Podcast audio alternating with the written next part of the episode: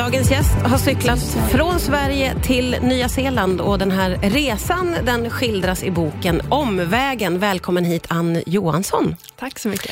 Du, det här var en idé som liksom växte fram hos dig, om jag förstår det rätt. Var såddes fröet till den här resan? Jag har nog alltid gillat fysiska utmaningar sedan jag var liten. Eh, tävlat och tränat i friidrott. Eh, gillar att pusha mina gränser fysiskt. Så det har legat lite i bakgrunden. Och sen när jag var där kring 25-26 så hade jag inte rest så mycket alls och kände liksom en, en längtan efter det och eh, se mig om i världen. Mm. Och sen så kom jag över någon blogg av någon svensk kille som hade cyklat från Sverige till Thailand. Ja. Jag blev helt fascinerad. Kan man göra det? Kan man cykla till Thailand? Ja. Eh, så där började det gro ett frö. Sen så tog det några år innan, jag, innan det blev av. Men sen när det blev av så känns det som att du bara liksom bestämde dig och skrev något datum och körde. Var ja, det så? Ja, så var det. Men om jag får en idé som känns rätt i magen, då bara kör jag. Och Jag visste ju då att jag kanske borde göra lite mindre resor först. Liksom få lite hum om hur man gör det här. Ja. Men jag hade inte tålamod för det. så du körde bara, ja, helt körde. enkelt. Ja. Men du, hur planerade du för den här resan då? Jag först så planerade ungefärlig rutt. Vilka länder kan jag och vill jag cykla igenom? Mm. Och Sen kan man få visum dit, hur långa visum kan man få? Och sen egentligen bara en packningslista, vad behöver man ha med sig? Ja. Jag skulle cykla både genom vinter och sommar och olika säsonger och sådär. Så det var väl det jag gjorde. Får jag fråga, vad behöver man ha med sig? Väldigt man... mycket. Ja, mycket ja. Precis. Jag tog med mig mer än vad jag behövde tror jag. Ja, okay. Jag hade en väldigt tung cykel och jag ja. lärde mig längs med vägen att det här behöver jag inte, det här behöver jag kanske. Men du behöver ha kläder, du hade tält med dig som du mm. sov i. Eh, vad hade du mer då? Tält och sovsäck, eh, stormkök så man kan laga mat. Eh, så man kan eh, fixa cykel längs med vägen och sen så kläder. Just det. För alla väder. ja. ja. Men otroligt svår packning, tänker jag. Att du ska vara ute i ett par år. Ja. Du ska igenom alla liksom, klimat som finns mm. och du kan inte packa hur mycket som helst. Nej. Fick du hjälp i hur du skulle tänka med packningen? Jag tror jag skrev till några andra långfärdscyklister som hade varit ute innan. Ja. Fick lite tips, men annars får man bara köra man bara och kör. hoppas på att det blir bra. Ja. Jag hade ju väldigt tung cykel, hade jag. och när jag cyklade ner i Sydostasien, genom Malaysia till exempel, var ju 40 grader plus i skuggan. Ja. Då hade jag fortfarande de här varma kläderna från platån i Kina, där det var minus 20. Nej, men gud, hur gick det? Svimmar du? så man får, får liksom bära med sig de här, de här kläderna. eh, och Jag skickade hem ganska mycket också. Ja, jag förstår, förstår det. Mm. Eh, jag vet att du till en början var ganska ängslig över att sova i det här tältet. Jag tänker vi ska prata vidare om det alldeles strax här på Rix FM. Rix FM. Rix FM. Jag gästas idag av Ann Johansson som har cyklat från Sverige till Nya Zeeland och eh, skildrat sin resa i boken Omvägen.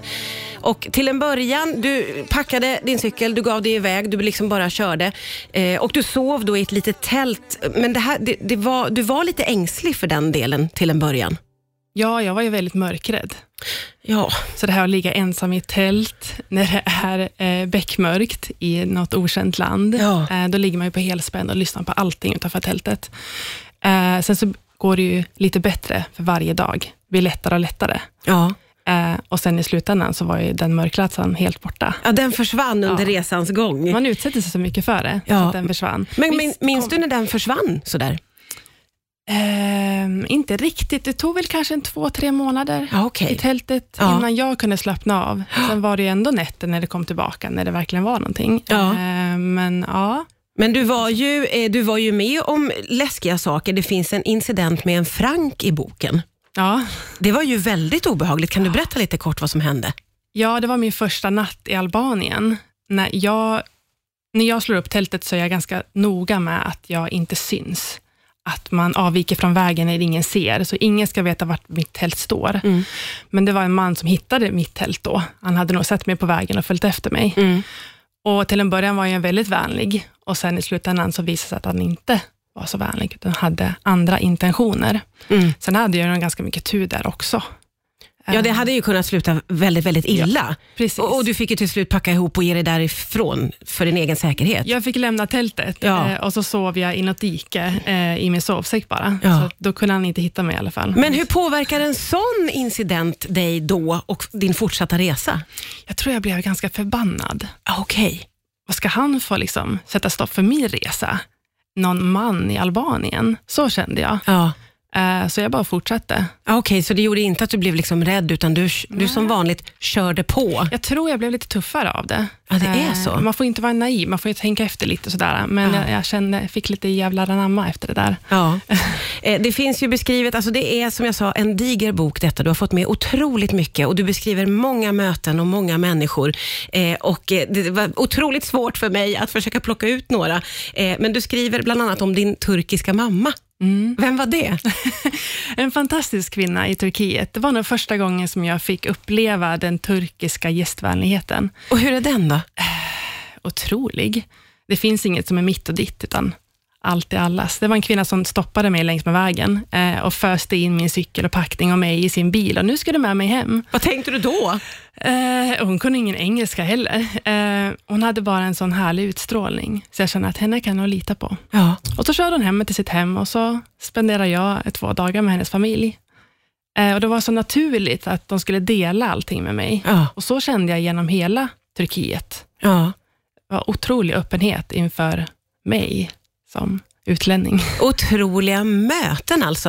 Eh, du skriver ju också i boken att den här resan såklart har förändrat synen både på dig själv och på världen vi lever i. Jag tänker vi ska prata vidare om det strax på Rix Ja, det är jättespännande att få prata med Ann Johansson som är min gäst idag, som har varit med om ett otroligt äventyr. Eh, det förstår jag ju eftersom jag har fått bläddra i din fina bok som heter Omvägen och när vi pratar så är det som att det, det föds hos mig fler och fler frågor. Men det finns någonting otroligt spännande i att du efter den här resan omvärderade ja, både synen på dig själv och på världen. På vilket sätt såg du dig själv annorlunda efter den här resan? Ehm, jag har ju blivit, som jag sa, mycket tuffare och jag litar på mig själv på ett helt annat sätt. Man lär sig att lita på sin egen magkänsla väldigt mycket när man är ute, för den är väldigt viktig, Ja. insåg jag. Ja. Eh, så fick mycket skinn på näsan eh, och vågar mycket mer idag än vad jag gjorde innan. Det är som att jag växte upp eh, under den resan. Och sen med världen också. Ehm, det, Va, vad hade du för bild av världen när du gav dig iväg, om jag får fråga? som kanske många andra, man kan känna igen sig att det känns lite tungt just nu. Det händer mycket jobbiga saker och det är det vi matas med Ja. eh, via nyheter och medier. Eh, men det är för att de nyheterna går igenom Ja. och man ser inte det andra, vanliga livet ute i världen. Hur är det där vanliga livet ute i världen då? Vanliga människor, vänliga människor eh, som är väldigt öppna eh, mot mig. Ja. Väldigt nyfikna Ja. kom.